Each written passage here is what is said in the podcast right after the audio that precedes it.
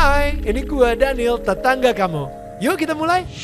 Masih ngobrol sama Noeleto tetangga kita di Daniel Tetangga Kamu. Dan guys, jika kalian pengen mendengarkan Daniel Tetangga Kamu tapi versi audionya aja, langsung search audio podcast kesayangan kalian dan search Daniel Tetangga Kamu. Gue yakin ketika kita mendengarkan hal-hal yang baik, otomatis pikiran kalian juga akan tercerahkan, tertransformasi, dan perlahan perbuatan kita pun juga akan lebih baik lagi ke orang di sekitar kita. Alright, balik lagi ke Noe. Nah, jadi ketika ketika lu udah membaca dan lu udah taruh beacon-beacon tersebut, hmm. then what happened? Apakah karena ada satu momen ketika lu jadi ateis juga gitu. Jadi that means lu sempet kayak ah udahlah gue nggak mau Oke. okay. Itu sebelum atau setelah? Sebelum, sebelum, sebelum. Oke. Okay. Karena karena saya gini uh, yang tidak saya percaya bukan Tuhan sebenarnya. Waktu itu yang saya challenge. Oke. Okay ternyata ya kebelakangan saya paham bahwa yang saya challenge bukan Tuhan ya tapi konsep yang diberikan kepada saya terhadap Tuhan.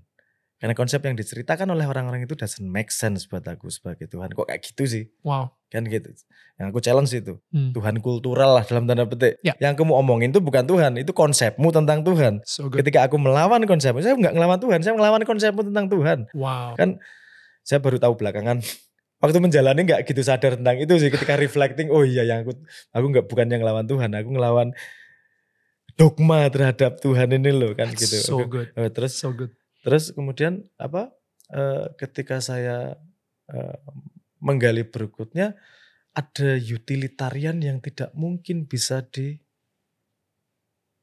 kepada manusia secara efektif kalau nggak lewat agama. Example example. Unity ini tadi hmm. konsep unity untuk live bisa bisa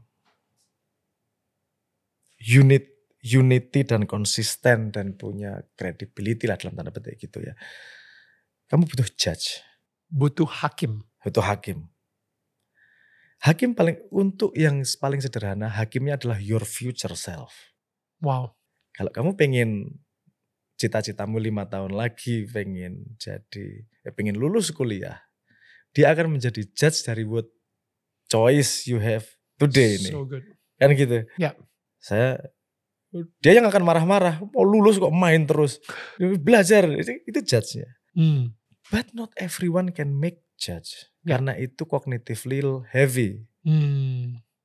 Susah secara kognitif, berat loh itu untuk ya. bikin judge di depan yang memarahi dirimu sendiri. Hmm. Sehingga agama orang-orang pandai nabi-nabi dan itu realize ada itu hmm. terus kemudian ditanamlah dalam agama sehingga orang yang tidak punya judge ada judge provided for you so nih good ya wow itu dia kenapa kayak ada Tuhan yang maha tahu dan dia akan tahu tentang kehidupan lu dalam lima tahun lagi, 10 tahun lagi dan dialah yang akan menghakimi lu sekarang untuk menjadi lebih baik lagi ke depannya.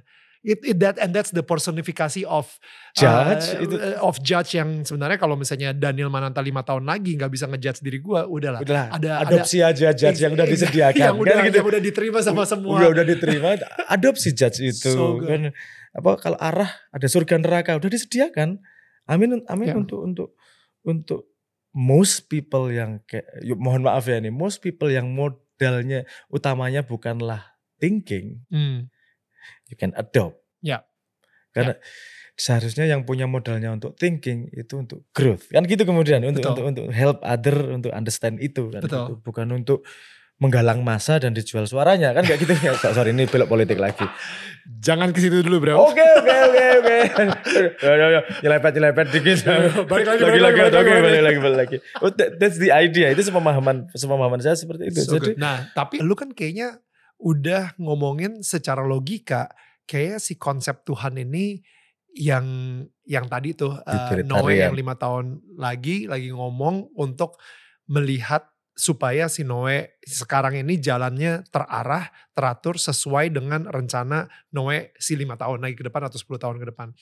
Sampai akhirnya lu menemukan dan bersaksi tentang Tuhan, bersyahadat secara esensinya sendiri, itu masih ada perjalanan lagi dong harusnya.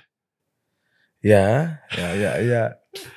Ya, aku nggak bisa pinpoint ya karena karena kalau understanding itu ada gradasi growth-nya ya. Of course. Kapan titiknya Nggak ada gitu itu momen, iya, iya, momennya aku gak, gak gitu inget lah maksudnya momen kapan aku sukses tapi ada kalau yang aku inget tuh momen gini aku nggak bisa escape nih udah nyerah Right. nih itu udah nggak bisa escape ini logikku udah nggak bisa mengkritisize dari data yang ada nih udah udah oke kayak gitu Wow. ada momen of give up gitu Wow. Dan di situ mungkin lo jadinya berserah gitu ya. Islam kan ngomongnya berserah Ya. berserahnya dari memang kalau saya ya karena validit saya memvalidasi memvalidasi experience itu menurut saya menyerah itu setelah ujung dari usaha dan kamu benar-benar ngelihat kebesaran Tuhan dan kamu nggak mampu memang untuk handle itu semua dan you give up Kebesaran Tuhan untuk Noah sendiri seperti apa? That lu benar-benar nggak bisa mampu dan lu akhirnya give up gitu. Kebesaran Tuhan yang mana gitu. kalau kita bisa mengukur kebesaran Tuhan berarti kita lebih besar dari Tuhan That's good. Tuhan maha besar aja saya nggak setuju Ya. saya setujunya Tuhan maha lebih besar karena dia pasti lebih besar dari anything we can imagine aku hanya bisa ngeliat gini kok limitasiku versus yang saya possibly bisa saya ketahui possibly loh tapi nggak nggak saya ketahui Hmm. limitasiku versus itu aja udah gede banget aku bayangin "Ah, udah udah udah udah nyerah lah ke sana lah saya gini juga misalnya kalau dari sudut pandang sains human sama monkey itu beda DNA-nya paling 3%. Oke. Beda understanding-nya segitu lebar. Hmm. Kita sama Tuhan nggak mungkin dong samanya 3%. Ya. Ya. Ya. Bedanya 3%. Nggak mungkin. Udahlah. Udah. Kalau ini bedanya 10% aja unimaginable dah. Udah, udah, udah, udah. Kita interpolasi dari Ya. itu apa, gap ke atasnya udah udah udah, udah nyerah nyerah. Oke. Ya. Ya. I just want to know you, guide me. Aku cuma kemudian gitu. Kalau memang satu piece of life ini useful gitu dalam gelaran ini karena Ya. saya merasa ini adalah game dan dari 8 miliar ini aku nggak ada nggak masalah kok gitu. Kalau memang ini useful dalam dalam game of life ini guide me gitu. Aku aku Oh. minta itu aja. Hmm. Digampar kalau salah jalan, tapi kalau jalannya bener ya didorong. Ya. Gitu. Cause I'm stupid. Aku cuma know this life selimit ini gitu. Kalau sekarang yang paling bisa saya pegang paling besar itu tadi bahwa saya akan mengalami life ini dengan experience intens mungkin untuk saya kembalikan ke perpustakaan Tuhan sebagai unique experience yang pantas untuk dibaca. dari beacon-beacon tadi, habis itu udah lu fokusin, em, dan itu mendapatkan sebuah image yang akurat, kenapa akhirnya memilih Islam? Kita nggak ngomong, saya nggak pernah ngomong bahwa image itu akurat. Oke, Saya nggak nggak ada tolak ukur untuk bisa ngomong itu akurat atau tidak. Tapi at least ini, aku ngukurnya gini. Kalau Tuhan, premisnya Tuhan ada di mana saja dan ada di kapan saja. Premisnya secara ruang, lewat secara waktu. omnipresence. dan- Omnipre- oke. Berarti kalau poin itu presence di semakin banyak tempat dan di semakin banyak ruang, berarti sekarang true 3 juta eh 3000 tahun yang lalu true, true. Ya. Di kota true, di desa true. Ya. Oke, ini lebih dekat pada Tuhan daripada yang enggak true. Itu apa apa variabel tolak ukurku measure sticknya itu aja. Oke, Oh, Oke. Nah jadi terus kemudian gini, saya melihat eh, beberapa konsep di Islam fundamental itu itu naturally make sense buat aku oke, dan saya mencoba menemukan yang kontradiktif di dalam Quran itu belum menemukan Hmm, karena saya saya trainee sekolah sebagai matematik hmm, sama fisika hmm. itu ada dua jenis eh, oke agak dalam dikit ya Please. itu matematika dan fisika itu dua jenis truth yang berbeda.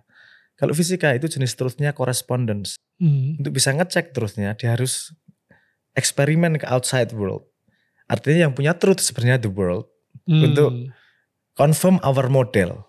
Right. Correspondence truthnya. hmm. Kalau math itu coherence truth. Formulanya udah ada. Coherence itu artinya untuk cek truth, dia harus cek ke simplest, simplest tool. Apa? Hmm. Untuk ngecek kuadrat, kamu ngeceknya ke kali-kalian. So nggak Hmm. butuh nggak butuh outside world. Oke. Ya. Itu coherence truthnya. Ciri-ciri coherence itu bahwa semua statement di dalam sistem itu tidak kontradiktif satu sama lain. Oke. Karena kalau kontradiktif jadi sistem yang tidak konsisten. Ya. Dan sistem itu nggak berguna kalau sistem tidak konsisten. Itu sangat make sense buat saya. Premisnya kemudian, kalau ada kitab suci ngomongnya dari Tuhan Hmm. dan ngomong bahwa itu truth dan dia tidak bisa dicek sama dari outside, berarti dia coherence dong. Hmm. Harusnya dia apa Quran kalau kitab suci itu harusnya coherence nih. Hmm. Hmm. Eh, terus cara ngetesnya jadi gampang nih. Hmm. Kalau aku bisa menemukan statement yang kontradiktif satu sama lain, Ya. itu saya bisa membuktikan by kontra example bahwa dia tidak truth secara coherence. Ya. Artinya premis turunannya kemudian batal nih bahwa dia dari Tuhan dan seterusnya. Hmm. Kebetulan sampai sekarang saya belum menemukan kontradiktif. Oke. Jadi ketika lo ngeriset ke dalam, ya kayak tadi ya, dari eh, kuadrat berarti kita masuk ke perkalian gitu. Ada basic-basicnya lagi yang Iya. nge-support itu semua. ya, jadi Hmm. basicnya tidak perlu saya tarik keluar. Hmm. di Quran itu sendiri ada apa namanya aksioma-aksioma yang bisa membangun eh, sistem knowledge-nya lebih lebar. Boleh dikasih contoh nggak? Kalau misalnya ini kan kayaknya very theoretical dan Ah, juga ngawang-ngawang banget gitu. Kalau Agak-agak nggak nggak mudah ya. Apa ya? Apa eh, apa ya ca- cari-cari contohnya. Karena analitikku juga ah, sorry kak karena agak susah. Karena karena gini ada ada structure di di bahasa Arab. Ada yang namanya masdar. Semua kata itu pasti ada akar katanya tiga konsonan asar akar kata. Dan semua makna itu cabangnya dari situ oke, memaknai kata itu tidak bahasa Indonesia itu tidak seperti bahasa Indonesia oke, karena bahasa Indonesia itu sangat ambigu kita kita bagus untuk gurindam untuk sastra itu sangat bagus tapi untuk sains sangat buruk Hmm. Ka- karena karena tidak presisi Hmm. jadi kita banyak seniman di sini. Sangat-sangat berbeda dengan Jerman. Hmm. Jerman humoris kita nggak nggak ada yang terkenal. Tapi kalau saintis sangat banyak Baik. karena karena language-nya itu presisi memang banget. presisi banget di situ. Hmm. Kalau Arab kan agak unik nih. Dia untuk apa namanya? Orang saya menyebut bahasa yang paling presisi itu justru Arab. Hmm. Memang mereka apa itu statement dari dari apa dari, dari dunia sains. Tapi juga banyak seniman di sana. Hmm. Kenapa sih? Kenapa bisa menampung dua sekaligus itu karena ada konsep yang namanya masdar itu tadi. Karena semua kata yang Hmm. dibuat itu ada akar katanya yang bisa kita menginfer maknanya dari situ. Wow. Gini aja lah, cita-citanya saya cita-citanya gini. Saya mau pengen bikin AI.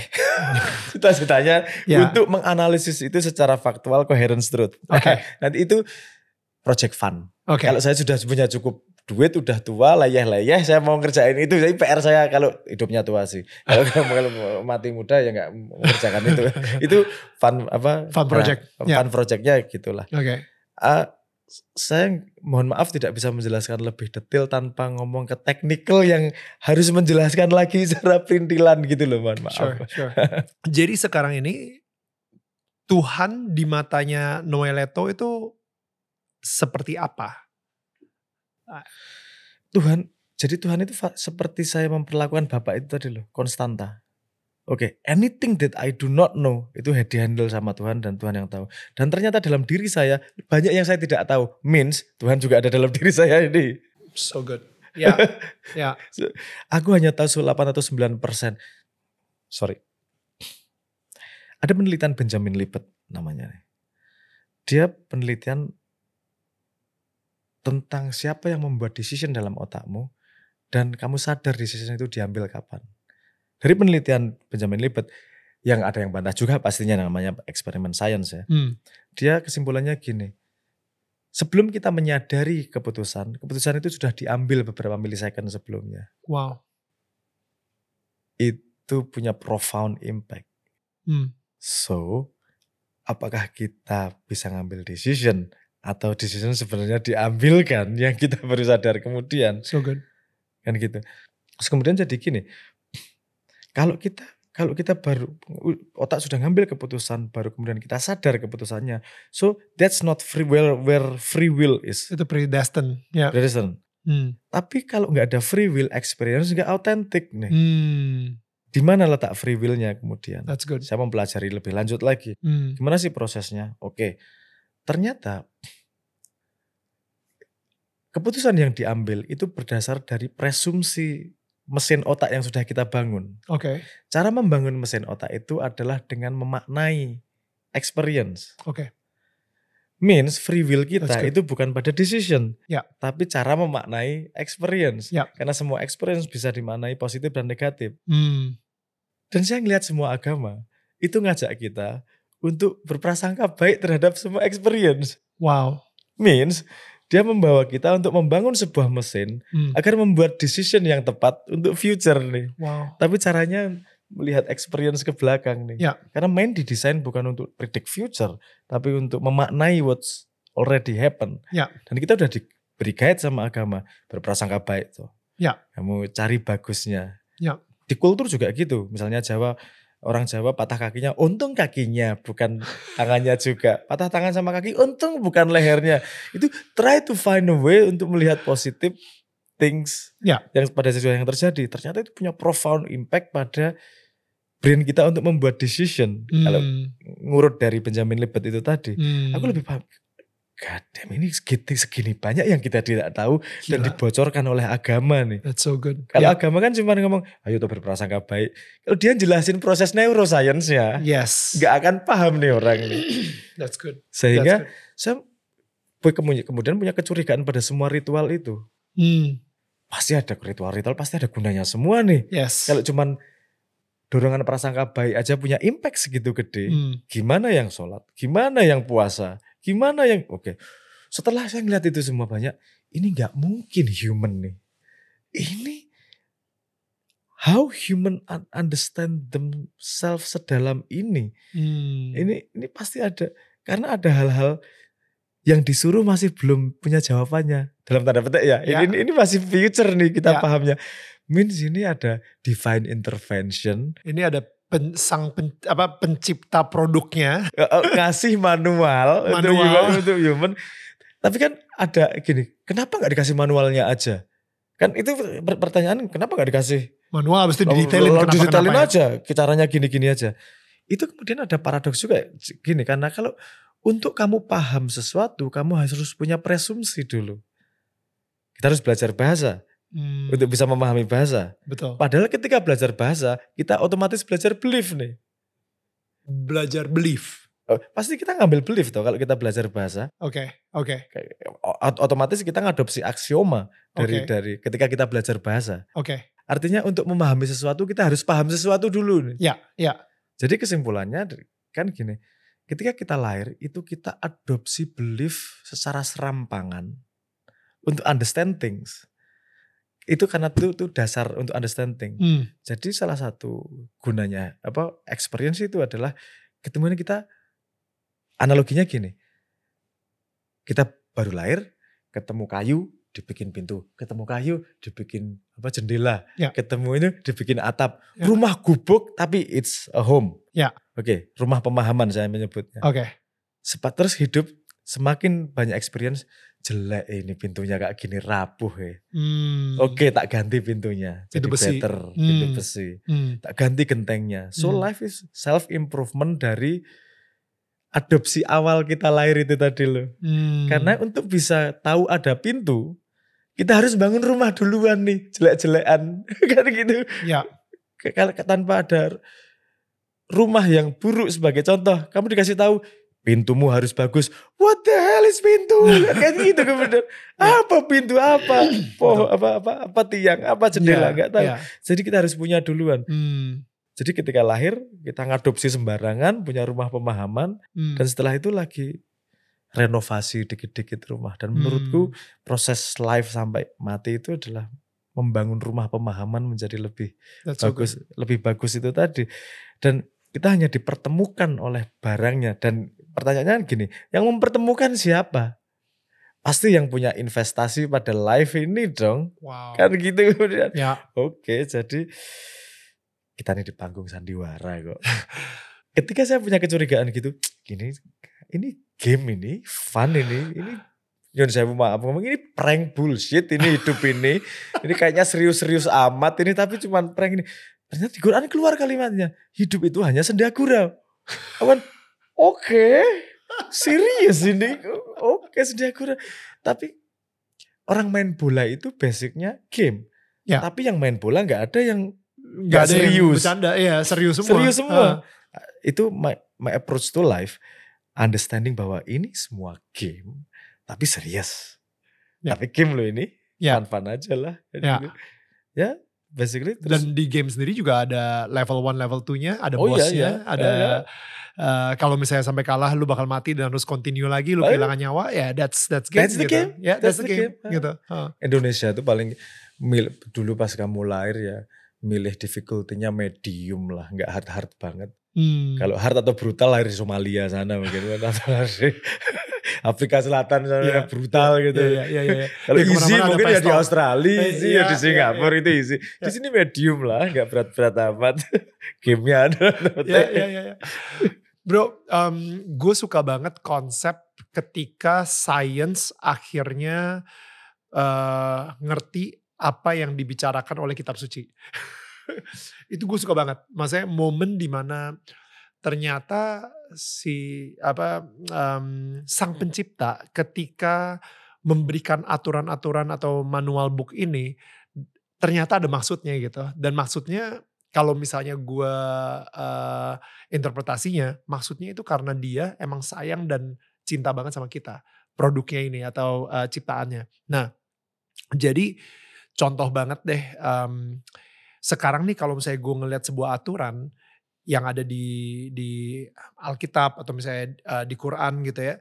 Ketika gue melihat sebuah aturan, sebuah ritual, sebuah kamu harus ngelakuin ini dan ini ini ini, itu gue ngelihatnya analoginya seperti ketika anak gue lagi mau nyebrang jalan, gue ngasih dia aturan, lu harus ngelihat kiri, kanan, kiri sambil bilang no car, no car, no car, habis itu lu nyebrang jalan itu itu sebuah aturan yang gue terapin. Karena apa? Karena gue sayang banget sama anak gue dan gue nggak pengen dia mengalami kecelakaan. Tapi kalau misalnya dia nggak nengok kiri kanan kiri dan ngomong nokar nokar nokar ketika dia nyebrang jalan dia akan ketabrak mobil nggak? Most probably nggak gitu. Ada tapi ada 50% chance. chance di mana dia mungkin ketabrak mobil. Dia tidak mendapatkan 100% perlindungan ketika dia nyebrang jalan tanpa mengikuti aturan dari gue um, ayahnya gitu. Jadi you know what I mean where I'm going with this right? Jadi maksudnya aturan-aturan yang ditaruh di Quran di Alkitab gitu dan uh, di kitab suci lainnya gue ngerasa sebenarnya itu sang pencipta udah ngasih owners manual yang sangat jelas banget supaya kita hidup 100% tanpa ada rasa ketakutan karena kita sangat dilindungi. Tapi kitanya aja yang ngeyel, alah ini mah berlaku buat 3000 tahun yang lalu, ngapain kita ikutin sekarang. Padahal sebenarnya sampai akhirnya seorang neurologis bakal bilang ternyata ini maksudnya dan kita bisa ngekonekin itu ke kitab suci, kita langsung yang oh berarti Tuhan sayang ya sama kita ya. Mungkin mungkin omongan saya sebagai di, apa diragukan sebagai saintis ya. Jangan-jangan ambil omongan saya. Maksudnya uh, coba cari orang yang namanya Francis Collins. Itu debat sama Richard Dawkins hmm. di New York Post. Ateis ya kalau Richard Dawkins. Richard Dawkins sangat ateis. Ya. Francis Collins itu sama-sama biologis. Dia yang apa yang ngelit research genome. Oke. Okay. Angkat dari ateis justru endingnya ke agama dan dia punya argumentasinya juga. Oke. Okay. It's game interesting. Coba aja apa cari lebih jauh tentang okay. Francis Collins itu. Francis Collins. Hmm. hmm. Uh, saya kenapa tadi senyum-senyum? Karena in your eyes Tuhan tuh very very benevolent. Sayang dan penuh Sayang rasa penuh, cinta. Rasa uh, cinta. Tapi kadang-kadang ada tough love-nya juga uh, gitu. Uh, hmm. Karena kalau di mataku nggak gitu soalnya. Exactly, itu yang gue pengen nanya tadi kan. Karakter Tuhan di mata lo itu seperti apa? Tuhan itu kalau saya seneng melihat Tuhan itu seperti iseng banget dan love to love. Oke. Okay. gitu. Gini, karena misalnya gini, ketika ada argumentasinya Tuhan kok jahat. Misalnya gimana? Memberi apa?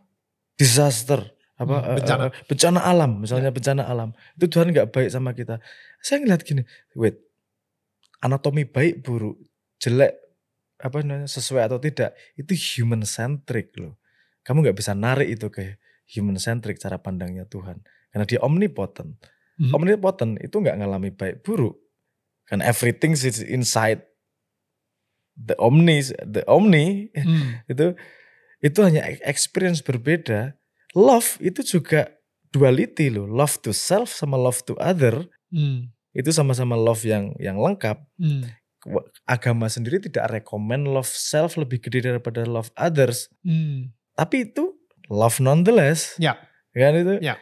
karena kalau ke- kelengkapan Tuhan pasti mengalami itu semua kalau Ya. kelengkapan Tuhan nggak nggak cuman love yang Bukan dia, love yang, others saja. bukan love others aja juga Hmm. love self yang Betul. kemudian di manusia manifest menjadi egois manifest sampai Betul. bisa nginjek orang lain Betul. yang kita semua kategorikan sebagai buruk Ya. tapi Tuhan bisa melihat itu sebagai ekspresi of love yang memang memilih self Ya. saya bahkan melihat surga neraka itu cuman pembagian kurikulum itu kok S- yang yang mau belajar love self duluan itu masuknya neraka Hmm. Kamu belajar karena kalau mau melihat itu semua akar dari dosa kan love self duluan daripada love others Oke. Oke. apakah kalau mau ngetrack ya apa dosa ini gimana sih Ya. tapi itu akarnya sama akarnya love self kan Love self. Ah, Kalau yang- ego. Hmm. yang yang love others itu dianggap sebagai pahala semua konsepnya Ya. kita simplifikasi seperti itu terus kemudian neraka adalah kumpulan orang love self surga adalah kumpulan orang love others, Love others. kebetulan mereka dikumpulkan dalam satu kelas untuk learn the fullness of love terus kemudian Hmm. next stepnya belajar yang other things lagi sepemahaman saya gitu karena Hmm. di manusia kita alam yang kita alami kan sangat-sangat limited Hmm. dan kita perspektif kita yang membuat duality Hmm. every duality itu gelaran dunia karena pada gelaran yang lebih tinggi adanya unity Hmm. kalau kita don't understand unity artinya kita belum understand God kita belum bisa reach God itself Hmm. karena kita masih pada posisi duality whatever that that that is it jadi karena life di di reality ini itu markernya duality tinggi rendah siang malam Betul. Baik buruk. baik buruk Hmm. Hmm. eh, baterai pun positif negatif ya. Ya. Ya. Ya. dan menurut saya kalau Tuhan pasti nggak duality Betul. Tuhan pasti unity nih pada, konsep apa namanya bahwa semua unite jadi satu karena dia omni Hmm. satu-satunya satu-satunya res apa eh, konklusi dari Hmm. bahkan bukan satu apa ya bahasa esa tunggal karena Oke. kalau kalau kalau sat- satu itu imply ada dua gitu Hmm. Hmm. bahkan ngomong Tuhan itu salah ngomong A itu salah ngomongin Tuhan karena ketika kita ngomong A kita ngomong B Hmm. Hmm. ketika kita ngomong Tuhan berarti nggak ngomong coaching Ya. Ya. kita make a choice untuk express Tuhan aja nggak akurat Hmm. walaupun itu heuristically good enough for us to be useful Karena lah kita manusia karena yang kita manusia terbatas yang banget, terbatas limited kita butuh lah gitu. ya butuh lah itu kan dalam to be useful tapi nggak itu bukan the truthnya dalam tanda Hmm. petik lah kita perspektif Hmm. perspektif kita jadi dan kalau itu Tuhan sebagai benevolent karena ada gini juga di Islam Tuhan itu berlaku sesuai sangkaan hambanya Sangkaan hambanya. Heeh. Ketika hambanya berprasangka baik atau Berprasangka- berprasangka buruk. ketika Tuhan kamu berprasangka Tuhan maha kasih sayang Tuhan akan berlaku seperti sangat kasih sayang ke, Wow. ke, Ya. ke, ke kamu kan gitu karena saya berprasangka Tuhan itu senang cekikian mungkin Tuhan sama saya cekikian kan gitu Ya. Ya. kan apa namanya mungkin itu juga karena uniquely aku kan sangat tidak tune sama emotion Artinya love apa namanya lu nggak tune sama tune. emotion. aku nggak gitu paham ya aku- Oke. apa aku iya iya aku cacat otaknya tuh sangat logik memang sangat Jadi maksudnya empati lu tuh bener-bener gak ada gitu. bukan saya harus memahami itu dengan cara yang berbeda Oke. Apa emang sangat sangat jarang saya empo- langsung empati gitu. kecuali di depan mata saya aku bisa merasakan diriku dia baru empati itu Oke. tapi, tapi kamu memahami love musik dan gitu-gitu itu agak agak, jauh Jadi perlu- proses. fokusnya logic banget gitu ya. naluriahnya gitu apa model yang diberikan sama Tuhan bahkan aku afantasia Aku nggak bisa bayangin sesuatu.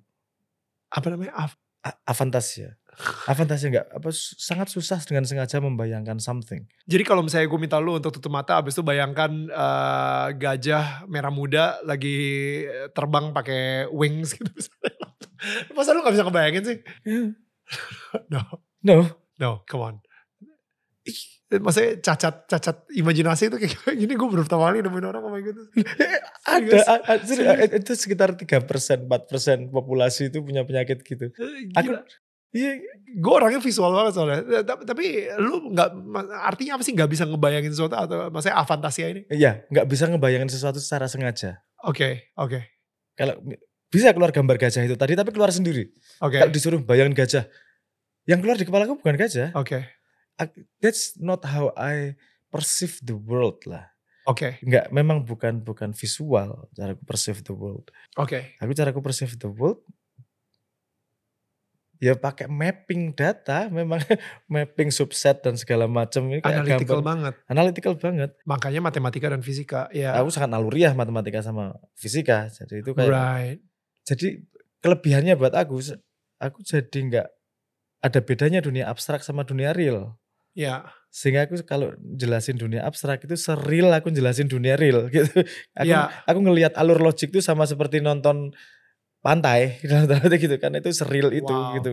wow. Itu tapi aku nggak bisa bayangin pantai. Karena Ya. ketika kamu ngomong pantai, bagiku oke, pantai itu pertemuan laut sama pasir, possibly pasir seperti ini, possibly ada pohon kayak gini, ada beberapa bentuk apa namanya? pantai, ada atol, ada gini gini gini. Isinya mapping data dan Ya. ya, gitu jadinya. Uh, that's how you think. Itu, Iya, itu iya, otak iya, lo. iya, itu otak saya seperti Dan dan maksudnya untuk seorang yang sangat analytical dan scientific banget dan kita ngomongin soal Tuhan dan lu sendiri juga adalah seorang seniman gitu ya dan bisa membuat lagu itu kayak kayak gak nyambung sih kayak kayak lu itu ada di tempat yang salah gitu lu sebenarnya scientific banget gitu Eh, mungkin kar itu setiap orang unik sih makanya. Of Aku course. di- dikasih modal otak cacat seperti itu, tapi dikasih background yang nggak cocok. Maksudnya kalau aku kalau background orang tua dan seterusnya adalah orang universitas akademis, mungkin aku akan jadi akademisi ini. Ya. Tapi tapi aku lahir dari kecil di lingkungan seniman yang kayak gitu.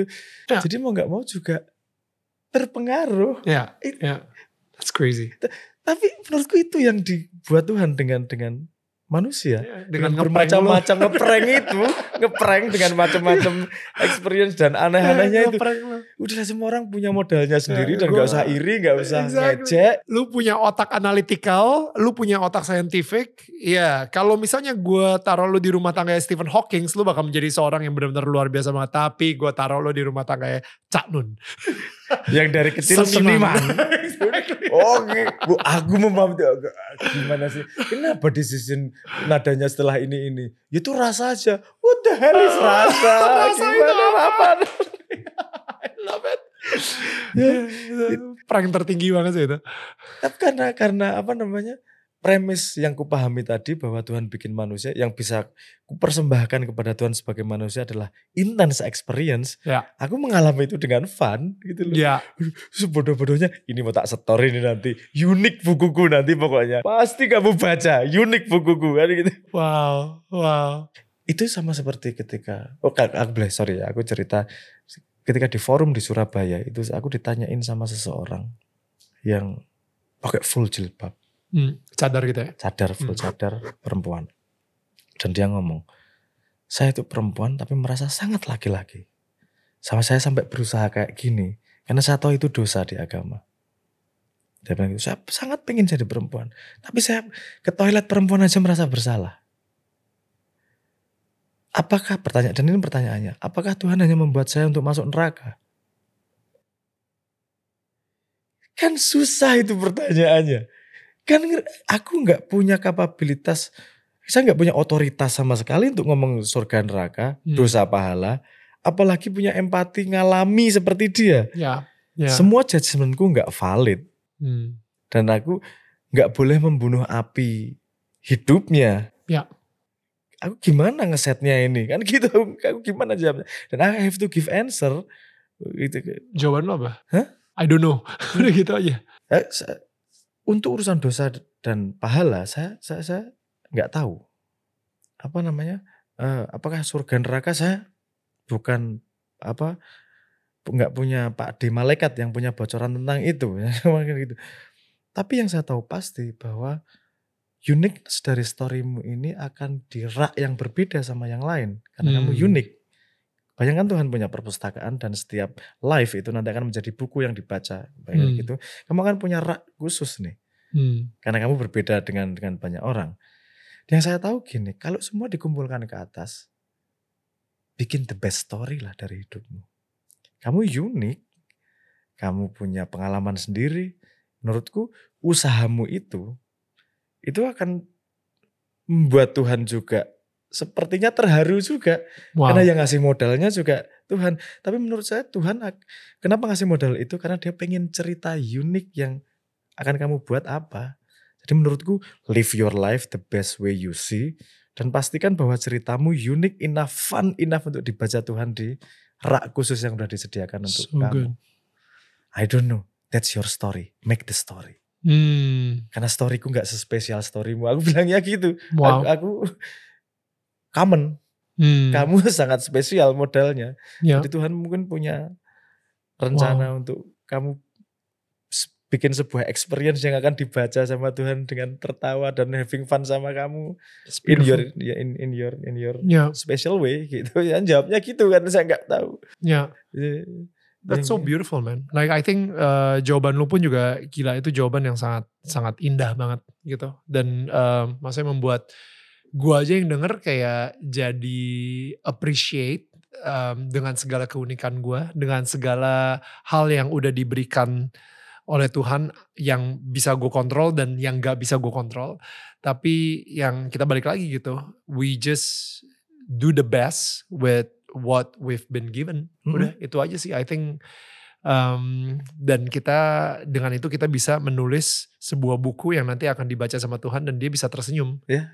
Ya gak sih? Menurutku itu core of life yang cukup light untuk dijalankan dengan ya. dengan fun. Ya. Aku sedang nulis story yang akan dibaca sama Tuhan. Aku kan gak ada story flat yang menyenangkan. Pasti ada turunnya, Betul. ada naiknya, Betul. ada struggle-nya. Ya. Hmm, kita writing a story. Ya. Jadi, I will write the best story hmm. yang akan dibaca Tuhan. Whatever hmm. story-nya, yang penting intens. Iya.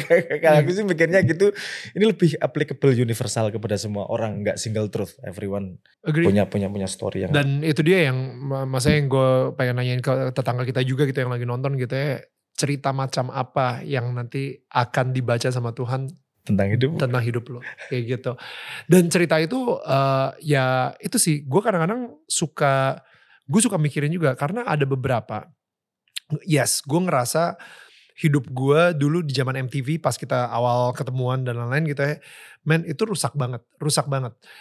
Dan gue jujur untuk ngomongin soal momen hidup gue itu ke anak gue pun malu. Tapi pada akhirnya akan harus dipertanggungjawabkan juga nanti ke Tuhan gitu. Dan itu udah ditulis masalahnya. Nah sekarang gue sendiri juga lagi menulis sebuah buku, um, kayak sebuah buku lagi, uh, which is kayak chapter 2-nya ketika gue udah lebih baik, lebih kalem sekarang dan lain-lain. Dan itu juga akan dibaca juga sama Tuhan gitu. And I think um, sekarang nih setiap keputusan yang gue buat, pada akhirnya nanti ketika gue tulis dalam buku tersebut, apakah itu akan mempermalukan gue? Apakah gue berusaha nge-skip si chapter tersebut? Kalau misalnya gue berusaha nge-skip chapter tersebut, don't do it gitu. You know, like pilih sesuatu keputusan sehingga ketika nanti Tuhan baca, man dia bakal bangga banget.